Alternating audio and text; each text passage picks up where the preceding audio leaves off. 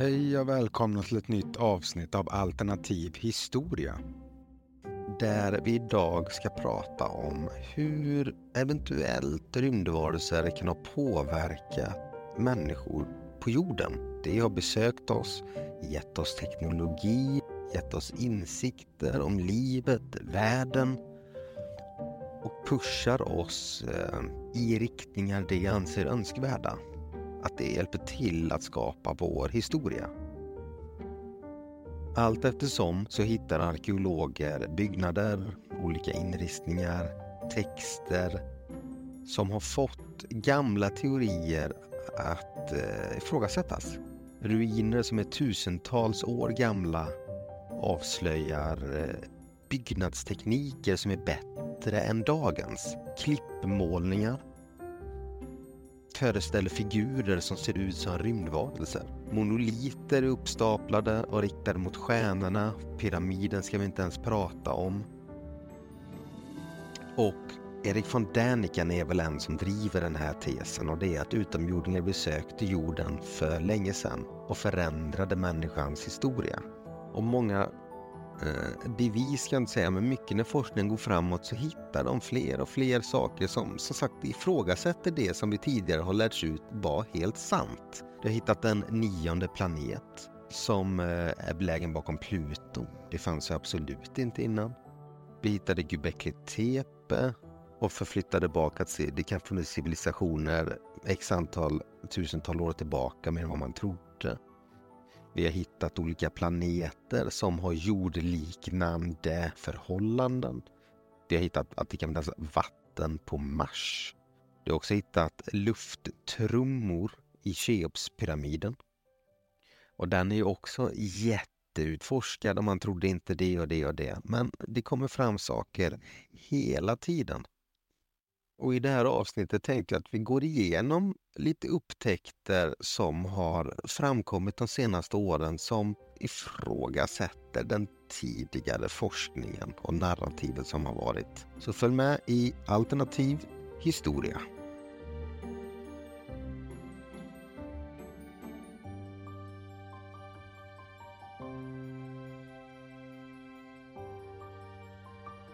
Darrington Walls där finns Englands största cirkulära eh, cirkel av, eh, sten, eh, av stenar. Det är hundra stycken monoliter, alltså stenar som står upp. Dessa ligger ungefär tre kilometer från Stonehenge och eh, ligger under jord. Enligt arkeologerna är den äldre än Stonehenge. Men ingen vet syftet. Och tänk att den är under jord och det är 300 stenar som står på rad, stående på, på högkant. De är upp mot 4,5 meter höga och vägde 10 till 15 ton styck. Och ingen vet varför det finns där. Och det är inget anspråks... Eh, alltså det är väldigt anspråkslös plats, i alla fall idag. De här stenblocken eh, grävdes ner under en kulle och i dagsläget så är det lite grann av en halvcirkel, men många tror att det ska ha varit en hel cirkel från början.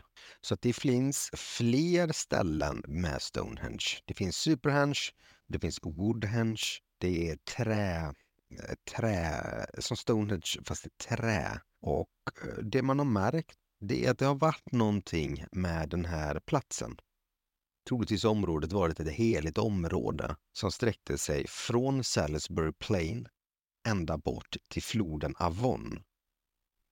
Och det här upptäckten då tvingar då arkeologer att tänka om angående Stonehenge.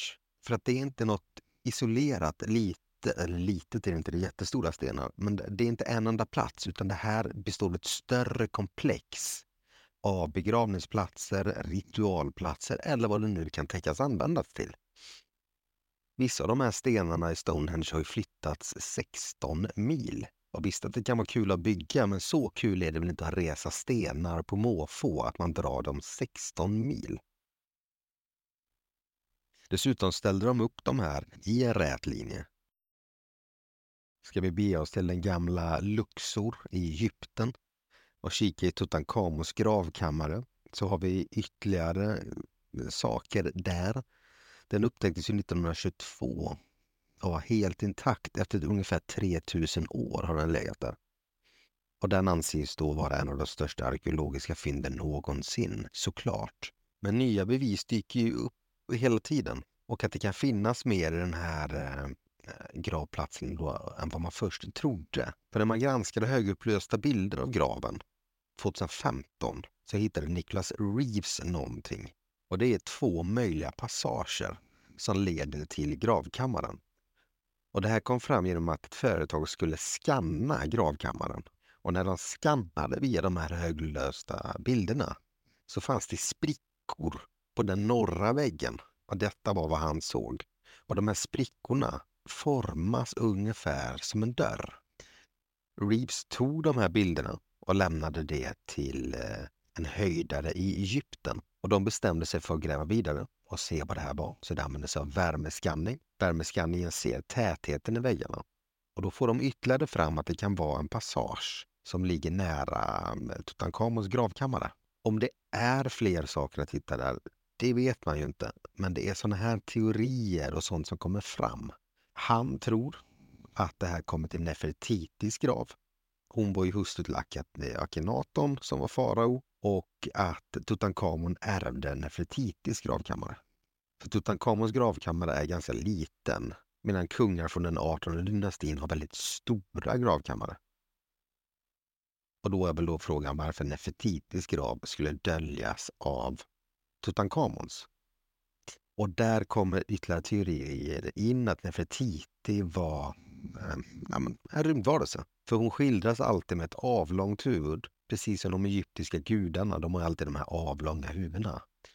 Och dessa lämnade jorden ibland eh, för att sedan komma tillbaka och att Nefertitis föräldrar då kan ha varit eh, rymdvarelser.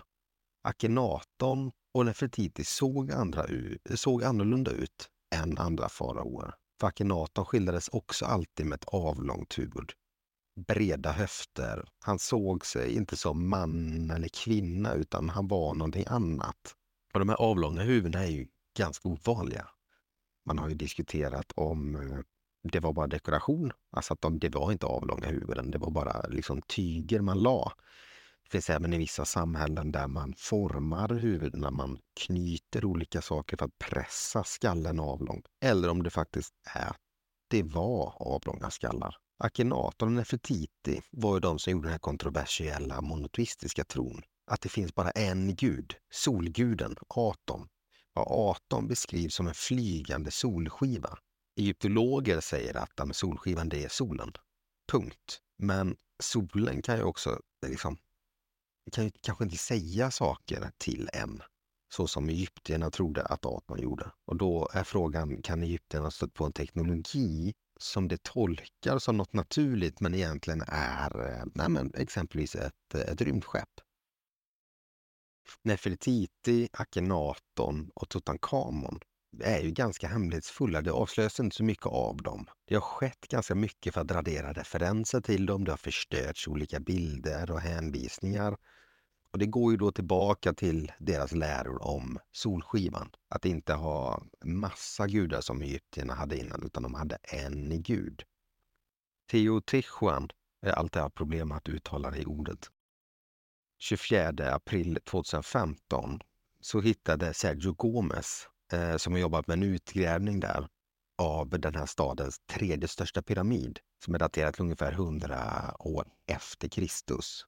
Så han har hittat lite olika reliker, men just den här dagen hittar han eh, någonting speciellt. För i en kammare under pyramiden så hittar han flytande kvicksilver, alltså mycket. Han kom till 90 meters djup och längs den här vägen så låg det kvicksilver. Och varför är det kvicksilver i en grav? För det första är det ju giftigt och det är ju svårt. Alltså, det, det, det finns ju ingen anledning egentligen om man inte har ett väldigt, väldigt specifikt syfte.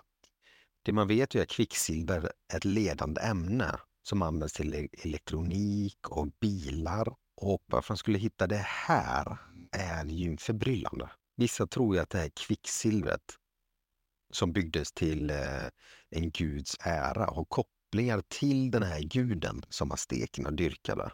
För att, eh, kvicksilver har inte bara hittats där heller. I indiska texter så ingick till exempel flytande kvicksilver i drivsystem som utomjordingar använde i sina farkoster. Nazisterna gick igenom olika sanskrittexter för att kunna utveckla en egen teknologi att flyga, eller en flygteknologi. Och det som har kommit fram om de här läckta tyska rapporterna är att eh, kvicksilver som utsätts för elektrostatiska laddningar och roteras orsakar en gravitationsknuff. Och då kan man skapa fiktiv kraft tydligen.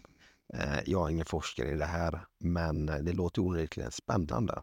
Och till den här guden i det här templet som var, var en orm, kan det bara ha varit så att det här, den här ormen som de har tänkt är en, en riktig orm, en ormgud, kanske är men ett rymdskepp, kanske en farkost som såg ut som en orm. Och att det här kvicksilvret var en del av deras drivmedel.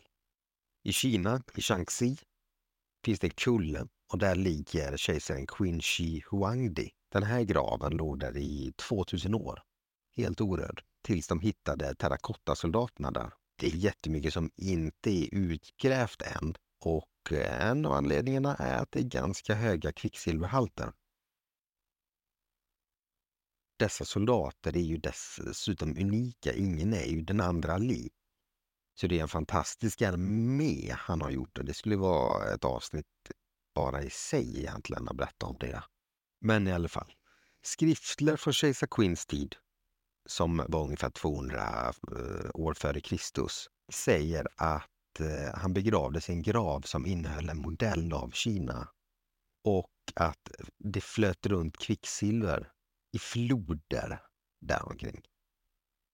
Och du har en grav i Kina som innehåller kvicksilver och du har en i Mexiko. Och det är väl här teoretikerna går loss då att undra varför är det så? Är det verkligen bara slumpen? I andra kinesiska, eh, eller i kinesisk religion så är det mycket drakar. Gudar har ridit eller åkt på drakar. En annan väldigt intressant är Machu Picchu i Peru. Här har du från Inka-civilisationen. Det är högt upp i Anderna. Och det här övergavs mystiskt ungefär hundra år sedan efter det byggdes. Tusentals personer arbetade ju i tiotals år med det här. Vissa teoretiker menar att den exakta konstruktionen, transporten av stora stenblock och inkafolkets olika vittnesmål har en annan förklaring på hur det här byggdes och att det byggdes med hjälp av utomjordingar. Härskaren Pasha Kutik ansåg sig då ha kopplingar till guden Virvacha.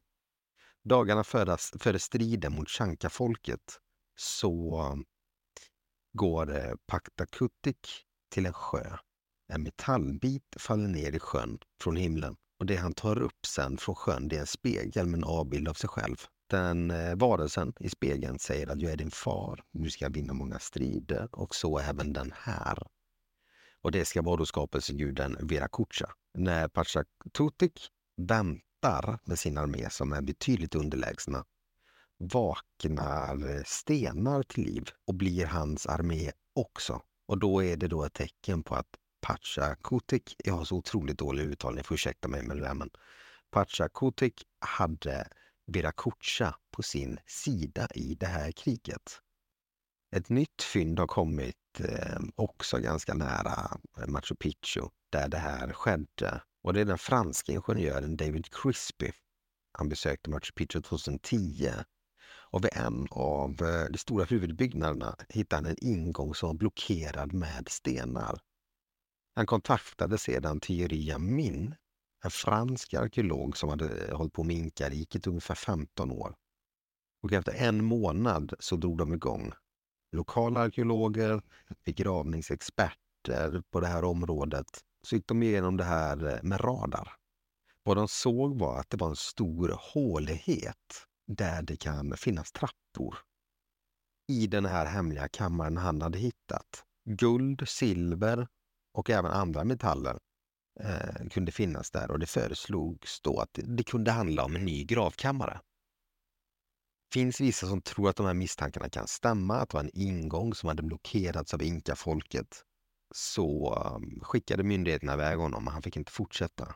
Men av alla de här ikonografiska undersökningarna så handlar det om eh, Pachacutics mausoleum och med den kunna hitta en avancerad teknologi från i det här fallet rymdvarelser eller den här magiska spegeln som han fick då i det här kriget av eh, Viracocha. Det här är ju jätteextremt, jag höjer det också, men man vet ju aldrig. Men i och med att han blev förvisad, man får inte leta vidare där han anser ha hittat den här ingången så, så blir det inget svar på den frågan. Sen har vi de fantastiska och fascinerande Nazca-linjerna. Nazca-linjerna är ju de linjerna som bildar eh, gryfer som du egentligen bara ser ovan jord. Hundratals är de ju. Så om du flyger över det här området så kan du ju se spindlar och mm, massa olika föremål. Detta är i södra Peru utspritt på ungefär 518 kvadratkilometer och folk tror att det har skapats av Nazca-folket mellan 00-talet och 700-talet. Vissa säger ju att de här mönstren i de här Nazca-linjerna är signaler till ja, rymdvarelser helt enkelt.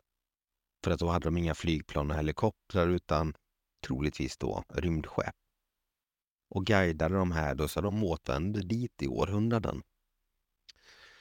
2015 så avslöjade antropologer från Japan att det eh, hade hittat nya Nazca-linjer som eh, på grund av erosion inte kan ses med blotta ögat. Men du kan se det med olika typer av, eh, exempelvis en 3D-skanning av marken.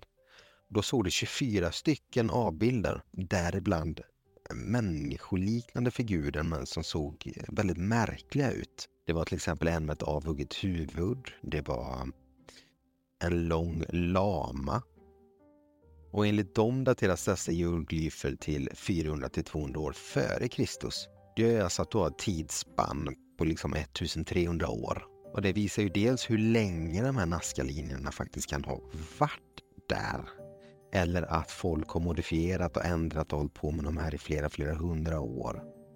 Och Nazca-linjerna, eller Nazca-folket, är inte de enda som håller på och och eh, kommunicerar med himlen, om man kan uttrycka sig så. Kom ihåg att eh, det här är kontroversiellt. Det är mest eh, för att väcka lite idéer där man kan utforska vidare och tänka och sådär se vad man kommer på. Hoppas ni uppskattade avsnittet så får vi höras i nästa. Hej då!